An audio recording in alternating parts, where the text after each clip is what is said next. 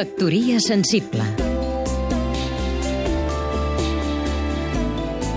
Eva Piqué, periodista i escriptora.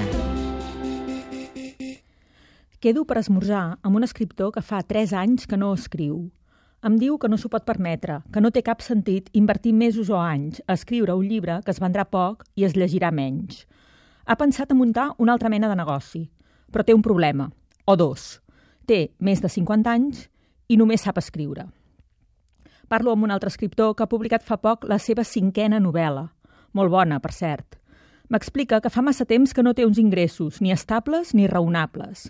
Diu que ha arribat a pensar molt de debò a deixar aquest sector i buscar una solució en un taxi o en una tasca ben lluny del que se suposa que són les seves habilitats. Em diu, i l'entenc, que la capacitat de resistència se li esgota. Un tercer escriptor em fa saber una nova pràctica que apliquen algunes editorials. Pels primers 500 exemplars venuts no et paguen res de res. És a dir, l'escriptor comença a cobrar el seu miserable 10% en concepte de drets d'autor a partir dels 501 llibres venuts.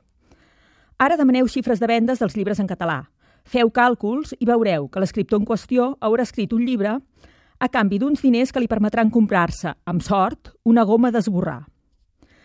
I el dia que ja no quedin creadors perquè se'ls hagi acabat a tots la capacitat de resistència, aquell dia ens haurem carregat la cultura.